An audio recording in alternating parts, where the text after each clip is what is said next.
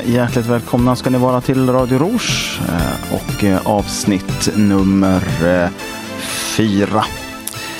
Jag heter Joel Krantz och jag verkar vara i något av en flow-situation just nu så jag kör på med ett avsnitt till den här veckan. Välkomna hit. Det här avsnittet heter Snart vegan med ett frågetecken på slutet och det är kort och gott en liten fundering och ehm, eh, tankegångar kring var jag står just nu framför allt. Eh, veganism av eh, olika skäl, både av hälsoskäl men kanske framförallt av djurrättsskäl. För så jävla mycket sötsaker och godis, chips, dricka, visserligen sockerfri, men fortfarande, ni, ni, fattar, så jävla mycket onyttigt som jag äter så begriper jag inte riktigt om någon skulle kunna se det som en hälsogrej. Eh, kanske inte att allt är veganskt heller, vi kommer till det. Nåväl. Eh, varför, till att börja med, varför vill jag göra ett program om det här? Till stor del så handlar det om att jag känner i så väldigt hög grad att det är många som tar upp det här ämnet, eh, naturligtvis i form av att det är i min sociala bubbla, min filterbubbla, så är det många som pratar om veganism. Men det är också så här att jag personligen har känt de senaste eh, veckorna, månaderna att eh, det finns människor som jag når ut till. Eh, det finns människor eh, runt mig som jag träffar dagligdags. Det finns vänner, släktingar och så vidare. Som inte alls eh, är där jag är naturligtvis.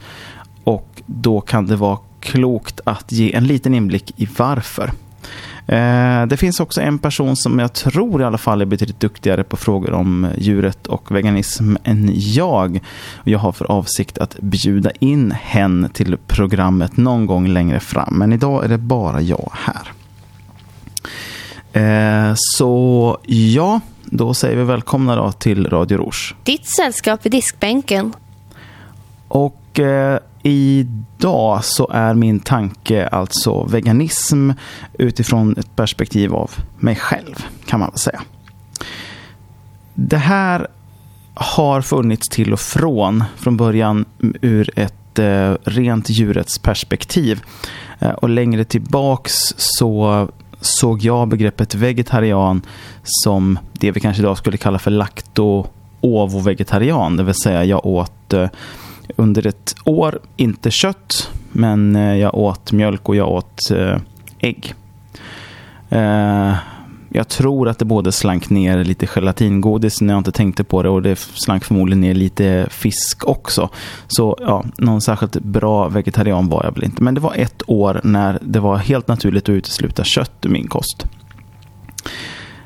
Det var ett bra år i största allmänhet. Det är ingen tvekan om den saken det som väl kanske om något är lite annorlunda idag, det är väl att eh, jag känner ett utökat intresse för det här även ur ett hälsoperspektiv. Eh, mer och mer eh, har jag fått intrycket av, baserat på den forskning, eh, de nyhetsartiklar och så vidare som jag tar del av, att eh, det finns skäl att eh, försöka undvika, framför allt då utöver kött som jag mer gör av en djurrättsfråga i, så mycket jag kan. Men också att eh, försöka undvika mjölk. Och länge så tänkte jag att ja, men, men eh, ägg och eh, vegetabilier, det ska jag nog kunna klara mig på. Inser senare att det finns problem även med ägg. Um, jag vet inte hur mycket ni är intresserade av att jag ska gå igenom de exakta orsakerna. Källa Google kan man ju säga om man pratar om flyktingfrågan och sen så kan folk gå ut och läsa och hitta de mest vansinniga grejer. Ehm, men, men låt säga i alla fall att utan att sitta här med källor på saker och ting, att det finns eh, skäl att eh, överväga att undvika det på grund av högt kolesterol och så vidare. Och sen finns det naturligtvis frågor om vilket kolesterol som är bra eller dåligt och sådär.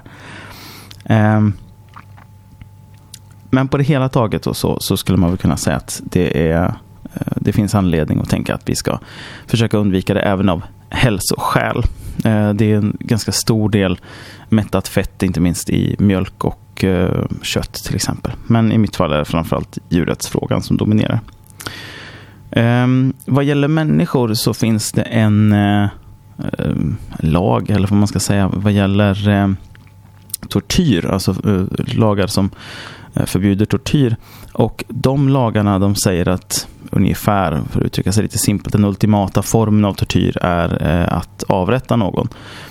Ehm, det gäller tydligen huvudsakligen i krigföring. Det verkar inte gälla när det är frågan om dödsstraff till exempel eh, lite dubbelmoral kan man tycka. Nåväl. Eh, och då kan jag någonstans tycka att eh, vi kan säga hur mycket som helst att ja, men det här är djur som eh, mår bra, som inte far illa, som har ett bra liv. Ehm, men eh, vi dödar dem ju fortfarande. Vi, vi låter inte andra djur i, i det vilda som, som behöver äta djur dödar dem. Det här är inte djur som lever i vilt tillstånd som skulle klara sig i vilt tillstånd och så vidare. Det här är väldigt eh, specialiserade djur som vi har fött upp på ett speciellt sätt för att de ska växa till sig fort och vi ska äta upp dem. Eh, kor blir normalt ungefär sex år eh, om de är mjölkkor innan man slaktar dem. Rena köttdjur som man säger, de blir betydligt yngre än så, mellan tre och fem år. Um, och sen slaktar vi dem. Och då kan ju, om vi pratar kor nu i det här fallet, då, så kan de bli 20-25 år eh, om, om man inte slaktar dem i förtid så att säga. Eh, så där är vi. Där, där är min, min bakgrund. Det går att lägga ut texten ganska mycket vad gäller varför på något sätt. Men eh, det, det jag lite grann känner som stör mig och har stört mig det senaste ehm, det är någon slags dubbelmoral i att man är en jobbig vegan om man försöker att övertyga andra människor om sin ståndpunkt. Jag försöker låta bli att göra det för jag vill inte vara en jobbig vegan. Till att börja med så är jag inte vegan än, eh, åtminstone. Jag kanske aldrig blir heller fullt ut. Men eh, jag tycker att grundtanken är väldigt sund och väldigt bra. Och om jag vore en fullfjädrad vegan så skulle jag förmodligen ändå försöka undvika att övertyga alla människor runt mig. Den personen som jag syftade på förut som jag hoppas ska komma till programmet någon gång längre fram och diskutera de här frågorna. Hen är ett utmärkt exempel på en person som inte försöker att övertyga alla andra om sin uppfattning. Och det är nog behjärtansvärt. Ehm, men när man är inne i det och läser de ganska övertygande argument som finns så finns det väl anledning att tänka att vi skulle försöka eh, tjata lite mer och vara lite mer jobbiga veganer. Den dagen jag själv blir det i alla fall. Ehm, men när jag sen hade kommit in i det här lite mer eh, för det, några månader sedan vid det här laget nu eh, så kände jag att eh, jag hittade väl kanske lite grann en annan vinkel på det här också. Det var mm, en hälsovinkel. Eh, jag har alltid varit väldigt skeptisk till och haft väldigt, väldigt svårt för olika former av hälsotrender egentligen. Och ehm, när det gäller hälsotrender så då kan man väl överlag säga att det blir otroligt eh, irriterande eftersom de byts ut så ofta. Och eftersom det som någon säger är sant absolut måste vara helt sant för att sen helt glömmas bort. Eh, jag vet inte hur många av er som tycker att LCHF är eh, nytt och fräscht fortfarande, vare sig man nu sympatiserar med det eller ej. Men det är i alla fall eh, på många sätt någonting som är ett bra exempel på inte är så populärt eller eh, omtalat längre i alla fall. Eh, men i det här så kan man kanske hitta saker och ting eh, som man tycker är sunt samtidigt. Eh, en av de mest populära sakerna just nu, ehm, inte av trender, men för personer som förestår olika trender, ehm, det är att säga det här är ingen diet, det här är en livsstil. Precis som man säger att det inte är eh, något tillfälligt att man tränar för att bli smal utan det här är något man ska göra från och med nu och alltid och det brukar hålla i sig två till tre veckor sådär som det, som det är i vanliga fall. Eh, och det är väl just precis så det är för mig också med den här typen av hälsosatsning på något sätt. Att, att äta nyttigt eller bra, och så där, det är någonting som är kanske man gör under en, under en period lite grann och sen så får man se var man, var man landar. Men eh, man kan fortfarande komma till den slutsatsen att en viss inställning, en viss idé, en viss uppfattning som någon presenterar för en kan vara, hur ska vi säga, det man faktiskt faller för. Och eh, det, så är det för mig i det här fallet. Eh, och jag, jag vet inte om det är så mycket en modediet, för det är ingenting som har kommit sådär väldigt starkt. Jag tror definitivt inte att det har slagit sådär väldigt, väldigt starkt i Sverige. Men eh, jag försöker att åtminstone ta in en del tankar eh, kring, eh, vad ska vi säga, en liten del av råfodrörelsen. Tanken med råfodrörelsen tycker jag egentligen i grund och botten är rätt så sund. Det vill säga att vi ska äta så mycket som möjligt av maten eh, oupphettad. Det är väl det som rent konkret vad det är. Och orsaken till varför det ska vara en fördel är för att kroppen får i sig allting utan att man har eh, förenklat och förädlat och ehm, ja, processat maten så mycket. Vilket då gör att kroppen får jobba ordentligt med alla de fibrer som finns kvar i, i, i maten och så vidare. Och det är en, eh, menar man är en, en fördel. I um, den här råfodrörelsen så um, innebär det följaktligen att man äter väldigt mycket frukt och grönt, man äter nötter um, och så vidare. Jag kan inte riktigt med att komma ända dit. Ehm, utan istället så följer jag mycket slarvigt, men kanske bättre i framtiden, en ehm, idé som är delvis utvecklad av en ehm, australiensisk youtuber. Och jag vet att det här med att följa en YouTube-personlighet är väl lite tveksamt. Uh, det tycker jag också. Många gånger så kan jag känna att eh, både den här personen och eh, andra som man följer, det är lite för hysteriskt och man får ta det med en nypa salt. Men man kan fortfarande se eh, goda saker i grund och botten. Eh, och slarvig som jag är i det här fallet har jag faktiskt inte gjort någon extra koll mot saker och ting. Eh, men mycket av det som hon säger det stämmer ganska väl överens med det som exempelvis eh, vår egen, eh, eh, vårt eget livsmedelsverk i Sverige säger. Eh, eh, nämligen att eh, vi ska äta så mycket grova grönsaker som möjligt. Vi ska se till att få i oss minst ett halvt, gärna ett kilo frukt och grönt om dagen. Till exempel. Så, vad är det jag går på för någonting då? Eller misslyckas med att gå på hela tiden? Um, jag lägger med en länk till den här YouTube-personligheten som heter någonting så fantasifullt som Freely the Banana Girl.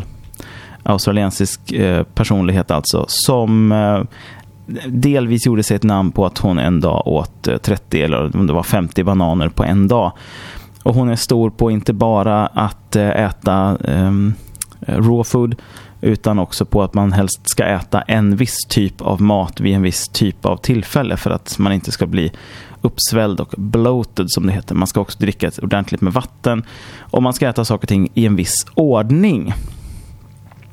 Men framför allt så har hon utarbetat en tankegång som jag tycker verkar väldigt sund som heter raw till four. Alltså att man äter raw food fram till klockan 4 Eh, I praktiken så innebär det här att man kommer få i sig väldigt mycket frukt, väldigt mycket grönsaker lite mer frukt förmodligen än grönsaker eftersom det är det man är.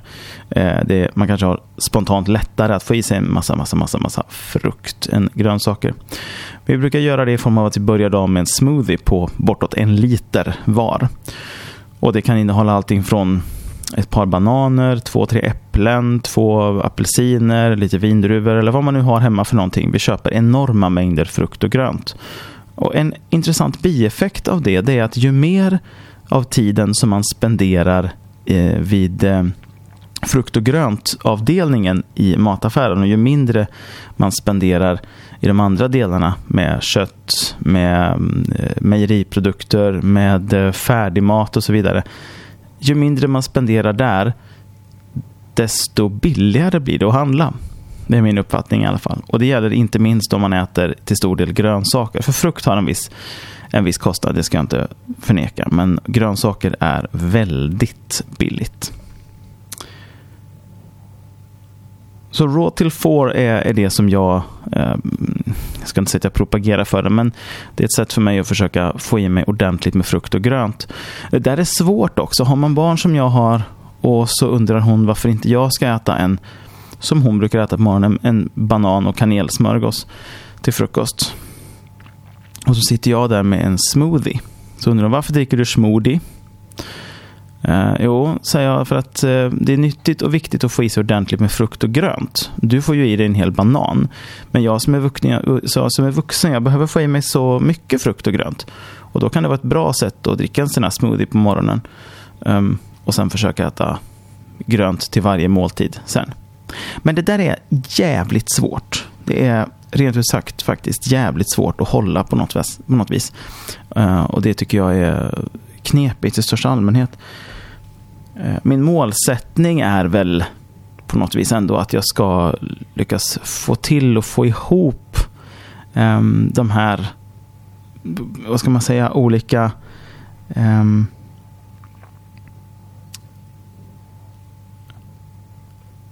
idéerna idag vad gäller både hälsa och så vidare till en och samma sak. Alltså, eh, jag vill ju att ni ska känna att ni förstår vad det är jag vill komma fram till egentligen. Och jag känner att jag har lite, lite svårt att göra det idag. När min eh, tankegång är att jag ska göra det här av djurets skäl. Då handlar det helt enkelt om att jag vill att så få andra djur i världen som möjligt ska dö. Um, då kommer vi in på en ganska intressant tankegång faktiskt. Och det är ju just den här, uh, vad ska man säga, den här frågan om att men, uh, men är det inte rimligt eftersom andra djur i naturen dödar djur för att äta? Och jag vet att jag för flera, flera år sedan använde mig av uttrycket att det behöver inte vara bra bara för att det är naturligt. Och det känner jag nog att jag fortfarande lite grann står för. Att saker och ting behöver inte vara bra eller positivt för att det är naturligt. Man kan prata om det vad gäller folks upplevelser om könsroller, vilka jag visserligen inte tror är sådär väldigt bundna av naturen. Men okej, okay, påstå att de är bundna av naturen, de behöver inte vara bra eller rätt för det. Vi bor inte i, ute i naturen vi måste inte döda djur för att få i oss tillräckligt mycket energi. Vårt största problem är att de flesta får i sig för mycket energi i västvärlden. Vi skulle behöva minska det.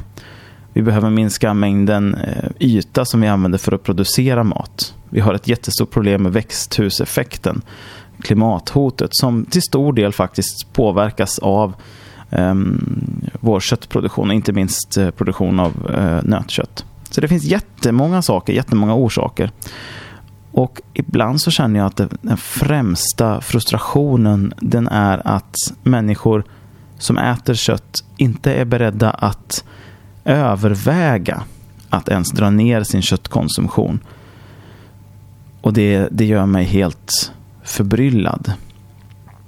Det gör mig helt ehm, det gör mig helt galen om man ska vara helt ärlig. För att det är väsentligt för mig att se att lidandet hos andra djur eh, ska vara så litet som möjligt. Jag kan inte se varför det ska vara ett problem. Jag förstår inte heller varför vi människor ska ha ihjäl andra djur när vi inte behöver. Jag säger ingenting om under en period när det var det sättet man behövde göra det på. Jag säger ingenting om att hushålla med djur för eget gårdsbehov när det finns ett problem eller ett behov av det. Men nu har vi nått en punkt i historien där vår specialisering är så stor att vi egentligen har maskiner och fabriker där vi kan stoppa in saker och ting i ena änden och få ut saker i den andra änden som överhuvudtaget inte behöver involvera kött. Och jag förstår faktiskt inte varför man ska hänga kvar vid köttproduktion och köttkonsumtion i det läget. Det brukar ofta tas ett exempel vad gäller eh, när man diskuterar moral och etik. Och eh, det exemplet, ehm, det brukar vara att när vi, eh, när vi tänker på förr i tiden, när vi tänker på vad för någonting vi gjorde längre tillbaks. Ehm, till exempel slavhandel eller den extremt utbredda imperialistiska slash koloniala rasismen så kan vi se att den, den var ett problem. Om vi säger så. Det är liksom ingen, ingen större fundering kring det. Den, den, den var ett problem och är ett problem där den fortfarande finns. Um, det är ingen som skulle komma på tanken och tänka att vi skulle ha slavar idag i den största delen av världen. Det, det finns enstaka platser på jorden där det fortfarande anses på grund av religion eller kulturell utövning att det ska vara okej okay att vissa ska kunna hållas för slavar åt andra. Men de allra flesta av oss är överens om att det här är barbariskt och ehm, förlegat. Och förmodligen så kommer vi komma dit vad gäller att äta andra djur. Alltså, det, det, är ganska vanligt för oss människor att vi har någon form av dödsångest. Och jag vill inte bli för djupsinnig här nu, men jag har haft dödsångest sedan jag var sju. Eh, den kommer och går. Uh, sådär. Men det går... Ja, ja. Jag skulle säga att det går inte en dag utan att jag har lite ångest över tanken på att livet tar slut och att man inte finns efteråt. Och att föreställa mig att avliva, att avrätta, att döda djur. Och sen så sitter jag där med en bit kött på, eh, på tallriken och, och, och på gaffeln och så tänker jag att det här är ju för fan ett dött djur. Det här är, det här är ett, ett djur som jag har betalat någon för att döda. För det ska vi komma ihåg att det är inte frågan om att jag skulle inte kunna döda själv. Men när det nu finns, det finns inte. Det är ju en stor apparat som du betalar för. Du betalar andra människor för att döda djur åt dig. Du betalar orimligt lite för det med tanke på hur mycket det borde kosta att hålla djur för att de ska ha det bra. Men eh, det är väl en diskussion för ett annat tillfälle. Ehm, jag får nästan be om ursäkt för dagens väldigt babbliga och osammanhängande eh, tal och tankegång. Jag hoppas att jag ska komma fram till någonting bättre. Jag hoppas också att jag snart får eh, gäst i programmet igen. Jag skulle ju ha en gäst i programmet som sagt för um, flera veckor sedan. Ulf Borén skulle ha varit med. Vi skulle pratat om, om förnedring som straff igen. Uh, det gjorde jag i Radio Jenkins för flera, flera år sedan.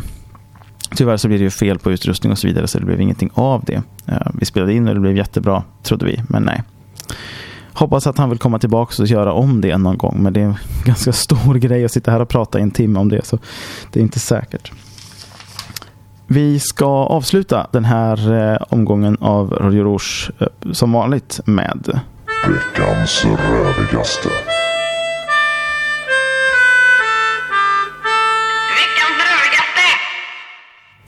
Och eh, veckans eh, rövigaste den här veckan, ja veckans rövigaste, jag vet inte hur man kan säga nu, heter det så, men eh, det rövigaste då.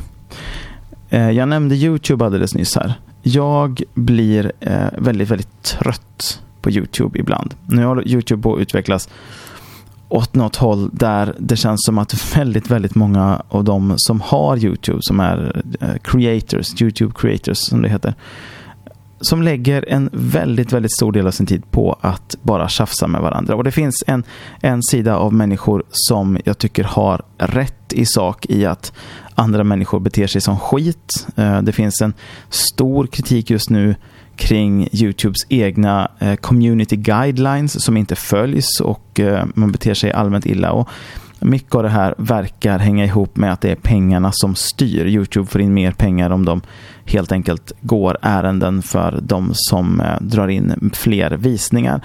Och det är ju inte orimligt, men när Youtube blir en sån stor sak så får man börja fundera på med Google, som ju äger Youtube, med deras grundprincip Don't be evil. Är det verkligen rimligt att en sån stor plattform som Youtube, som är en sån central del av internet, just nu drivs bara som ett företag och inte som en liten stat som det faktiskt nästan är. Um, så det finns skäl bakom och jag säger inte att det är dåligt. Um, men um, det är extremt enerverande just nu. Jag vet inte hur många av er som lyssnar som faktiskt är med på och hänger med på det här. Men för oss som tittar mycket på YouTube så blir det väldigt, väldigt enerverande att det är väldigt många av olika vloggare och så vidare som eh, har det här som sitt tema just nu. Att klanka ner på andra, att svara på varför någon har klankat ner på dem eller att prata om det som just jag pratar om nu. Hur jobbigt det är att YouTube just nu bara handlar om att folk klankar ner på varandra. Kul alltså. Eh, det glädjer mig då följaktligen att eh, Satan vad bra. Världens läckraste. Ja, det glädjer mig att Sverigedemokraterna i en ny um, uh, opinionsmätning nu återigen går ner lite grann. En intressant sak var ju att efter den förra mätningen där de tappade lite så gjorde YouGov en mätning. Där hade de gått fram ytterligare. Men det säger väl bara någonting om hur lite vi litar på YouGov vid det här laget. Det vill säga eftersom YouGov eh, består av människor som har sagt jag vill gärna vara med och då är det ganska lätt att eh, samla massorna som eh, röstar på Sverigedemokraterna och därigenom få ett övertag. Det är ganska enkelt att räkna ut det. Nej, då tror jag mer på den traditionella typiska ehm, eh, opinionsundersökning, eh, opinionsmätningen som de vanliga opinionsinstituten gör. Och de säger helt enkelt att eh, de är på väg att gå bakåt.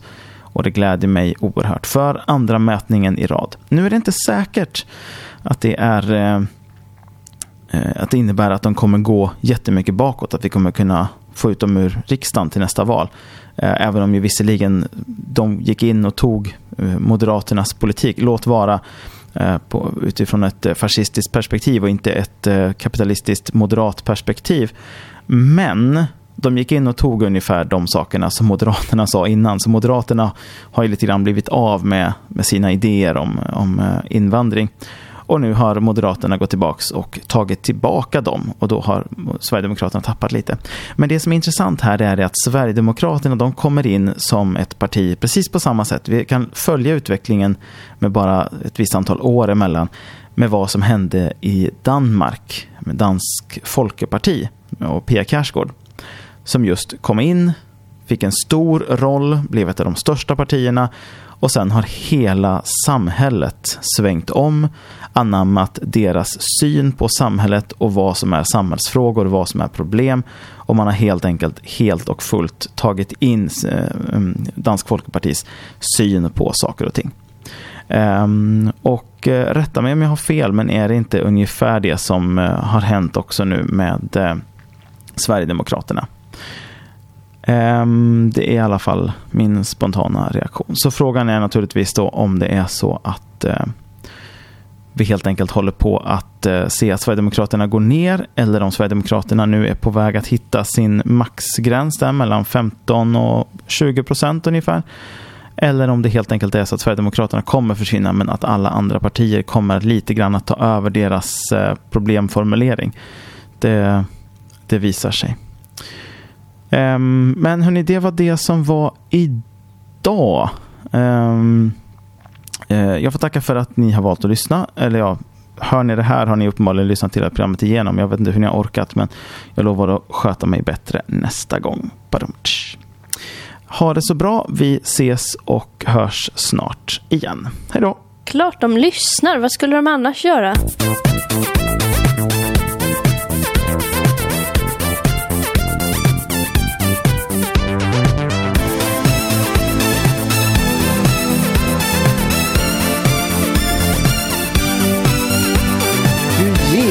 Leda mig som podcast är.